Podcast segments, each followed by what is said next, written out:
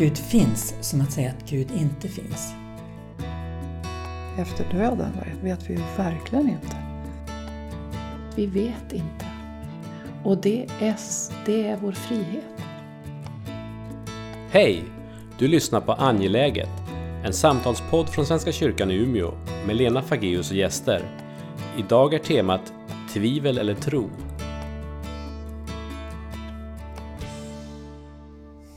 Får vi hälsa varandra välkomna igen till fortsättningen på samtalet om tro och tvivel. Och vi tänder vårt ljus. Och i, mig, i det här rummet med mig, Lena Fageus, sitter Erik Hansson och Lisa Lundqvist. Och vi är inne i ett samtal om tro och tvivel. Spännande tycker jag. Eh, och vi har liksom benämnt och berört det här med att våga ifrågasätta sina sanningar och att, att våga vara i det där osäkra. Men jag skulle gärna vilja fördjupa den delen av, av det. Um, ja, hur, hur är det där med att stå i det osäkra? Hur vågar man det? Vågar vi det? För mig har det nog inte varit så... Jag tror att jag har inte haft något val. Det har inte handlat om, jag, det har inte handlat om något liksom, rationellt val, beslut från min sida utan det, min, om jag tänker på min barnatro, om vi tänker på min kristna tro, så min barnatro plötsligt insåg att den höll inte. Det, det bar liksom inte. Och um, bilderna som vi hade tolkat liksom bokstavligt och så, bibelord som vi hade tolkat bokstavligt. Det blev så platt och så... Och, och vem Gud var, att Gud var en, en människa liksom i himlen eller här, en röst man kunde höra. Och det, blev, det blev helt... Jag kunde inte tro längre på det. Men jag, jag kan inte säga att min tro har försvunnit någonsin. Nej. Men, men det var någonting i, i, i det, det formade tradition eller dogmen eller vad man nu ska kalla det för som inte längre höll. Eh, när livet kom. När livet brast. När, när livet kom i vägen. Jag hade inget... Det där har skett så naturligt. Så det har inte för mig handlat om att våga. Nej. Utan jag, jag måste stå kvar i det osäkra där... Ja, jag måste få bli sann, tror jag. Ja. Sanning och tvivel och tro har vävts ihop mycket mer för mig sista åren. Det är viktigare att bli sann än att tro på ett visst sätt. Mm. För mig. Ja. Jag tänkte på det, jag hade gudstjänst igår och predikade. Jag har ju inte jätteofta gudstjänster nu för tiden men, men och fick kämpa med den där texten. Och så när jag var färdigskrivet och jag, jag skrev ut den tänkte, så tänkte jag, men alltså, så banalt. så jag, jag tänker att det också, det finns någonting, det sitter ihop med det här. Jag vet inte om jag kan riktigt eh, rama in hur, på vilket sätt det sitter ihop med det du säger. Men det är, någon, det är någonting med att stå ut med eh, banaliteten i det jag klarar av att formulera just nu. Mm. Men ana att egentligen så finns det mycket mer mm. i, ja, men i en fras eller en, en eh, någon slags tanke omkring hur det är att vara människa och levande. Mm. Att vi också Ja, men att stå i det osäkra men också stå i det banala. Mm. Alltså... Jag tycker att sanningen är ganska banal ofta. Alltså ja. det handlar om, jag, jag vill inte, jag kan inte. Mm. Eller, ja. Det här är också en ganska flummig tanke men det finns något väldigt rent, nästan banalt i... Och, och när jag säger jag, jag vill inte, eller säger något banalt. Vi måste älska varandra. Om jag säger det, det är jättebanalt. Mm. Men det kan bli, för en annan människa så kan det ju bli jag tycker det är jätteskönt att höra det banala, enkla, sanna bara, ibland. Det kan... Ja. Ja, vad jag nu ville säga med det. Men... Mm. Jag vet att i vårt förprat, nu vill jag gå åt det där med döden. eh, Erik, du hade en så otroligt fin utläggning. Nu vet jag inte om du kan återskapa det. Men där du pratade egentligen om agnost, alltså att vara agnostiker som det, som det enda eh, hållbara på något sätt. Kan du, och nu vet inte alla kanske vad, agnost, vad det är att vara agnostiker. Så du får förklara både det ena och det andra. Nej, men inför, inför vi skulle ha de här samtalen, för det visste jag ju om, då tänkte jag, men, men var är min brottning någonstans Eh, just nu? Och jag, jag är en gammal man. Så eh, det här med döden är ju någonting som brottas med. Jag, jag tror att det är tre saker eh, som jag... Där tvivel och tro liksom finns laddat i mig. Ett, ett är just döden, andra är eh, den här planeten och om vi håller på att förgöra den.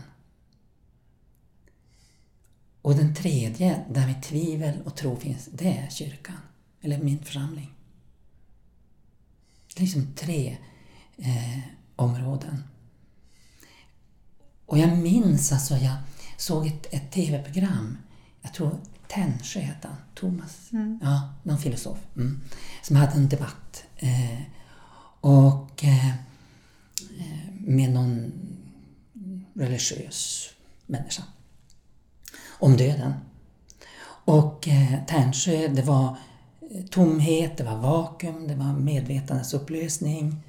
Eh, och den religiösa människan var det ett uppbrott till nytt liv, till eh, ja, en, ett nytt sammanhang.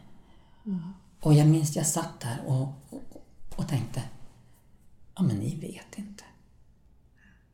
Mm. Eh, och det där har jag liksom burit med mig så att någonstans när jag nu liksom det här temat kommer tillbaks, kommer det här programmet tillbaks till mig. Och just det här när det gäller döden, ja men nej, vi vet inte. Och eh, det blir väl lite grann, lite grann åt det hållet som du började på, Lisa. När det kommer till döden så, så är det icke-vetande. Vi vet inte. Mm.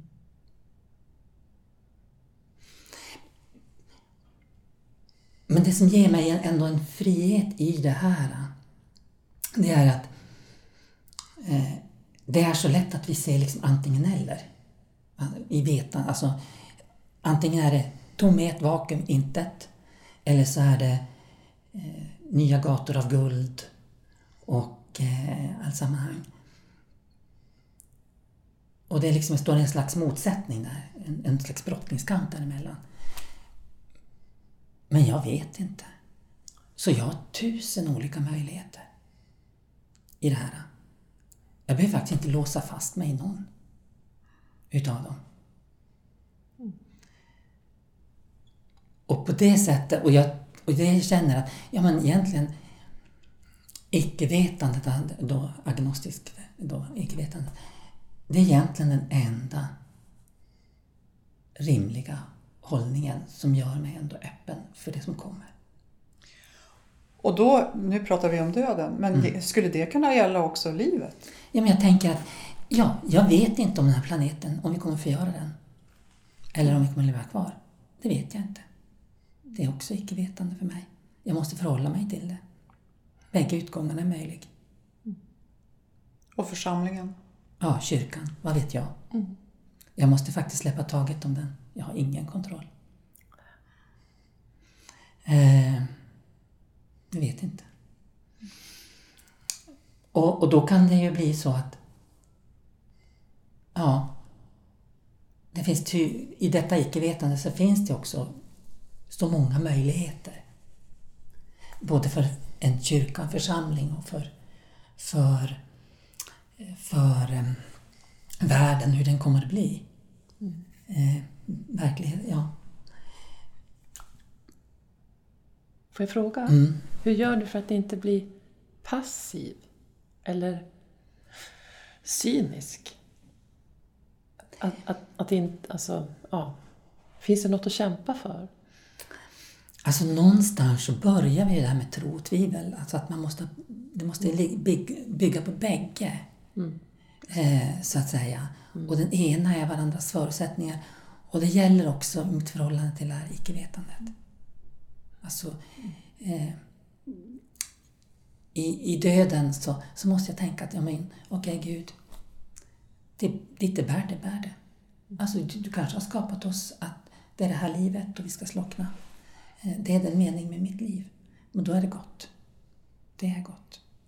Eller Gud, det kanske är så att det här är ett uppbrott. Det finns nya.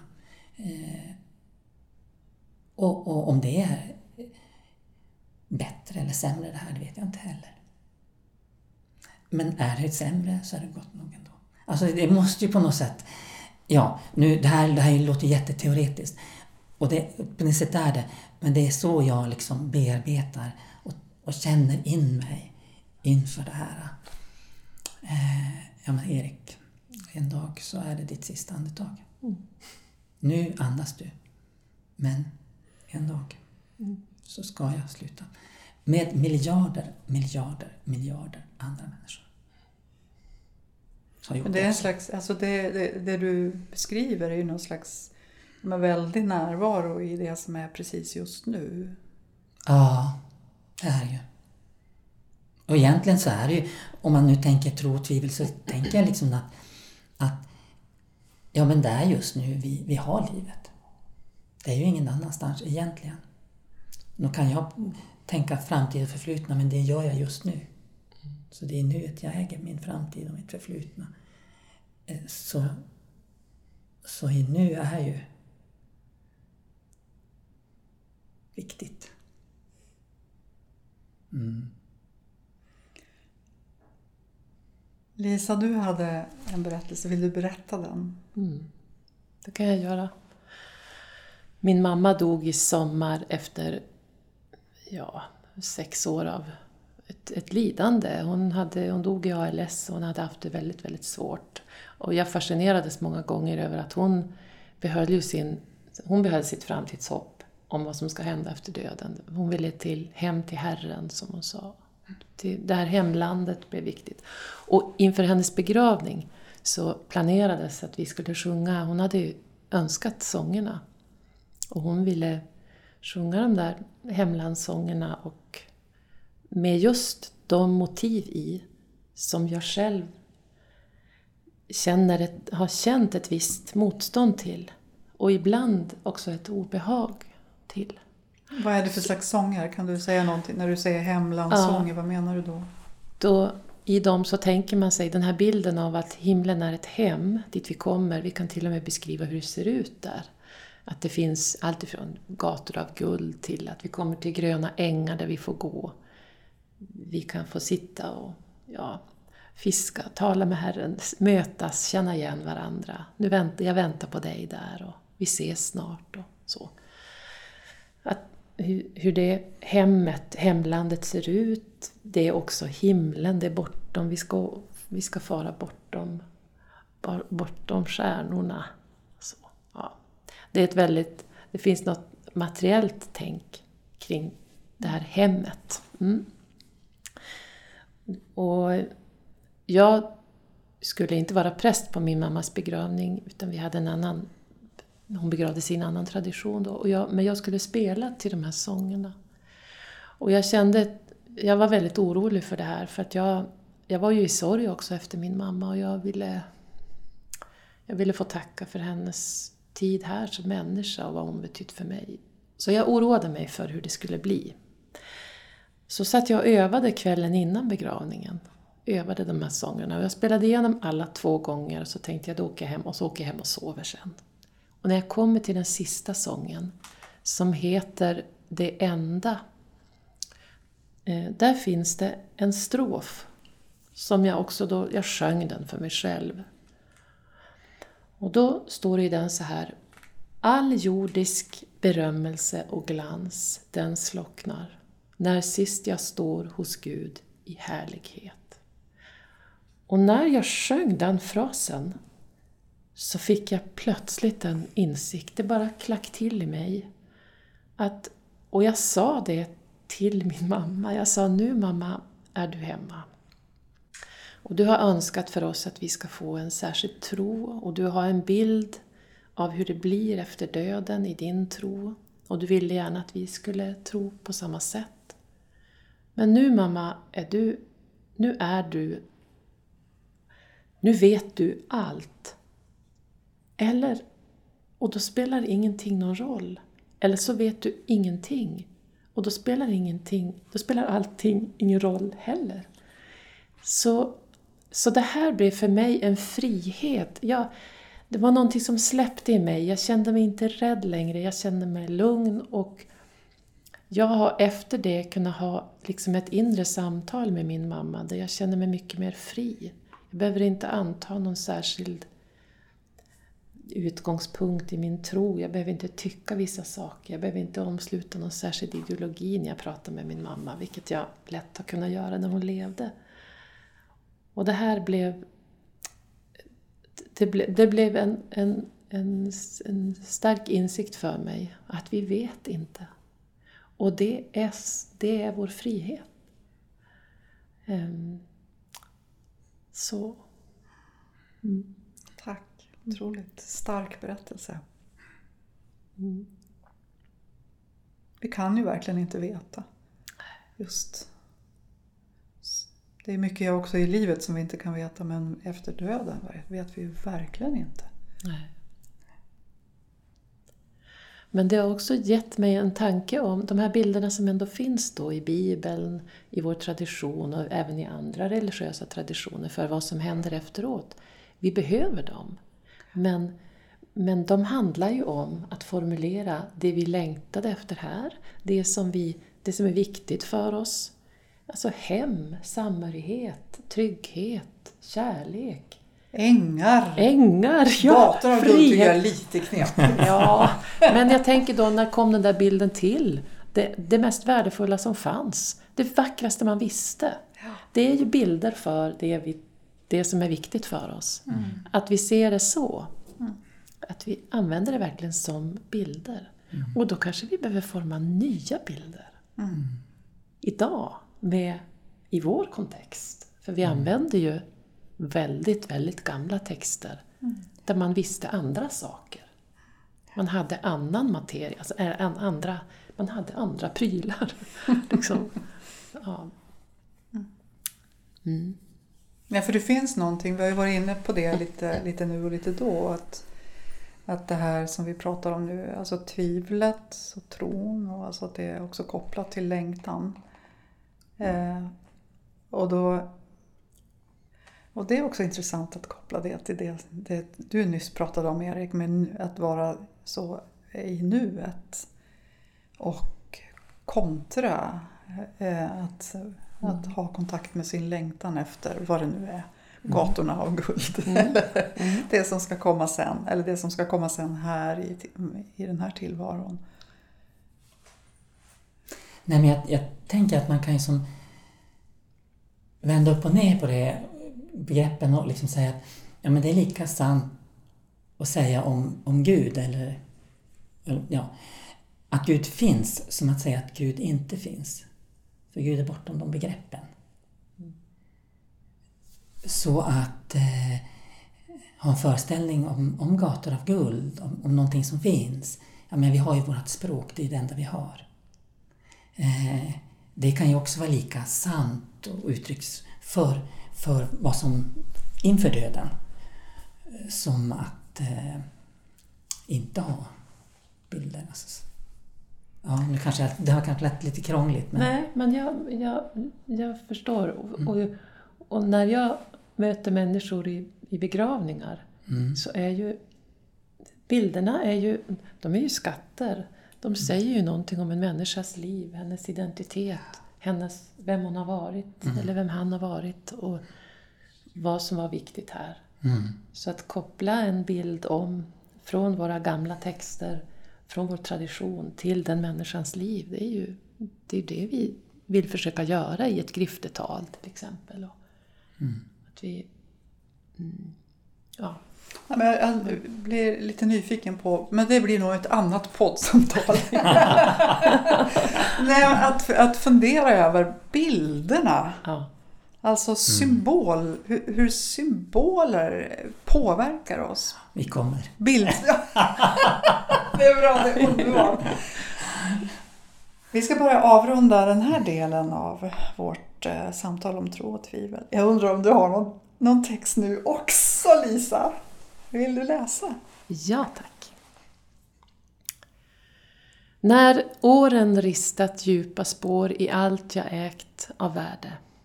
När tiden så blir stilla och har tystnat i sin dans. När allt märkts av förgänglighet och döden väntar på mig. Jag hör att han vill tro att jag är hans. Då viskar tron att allt är väl.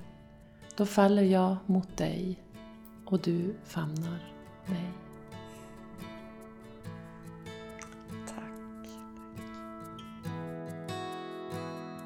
Du har hört Angeläget, en podd med Lena Fageus och gäster.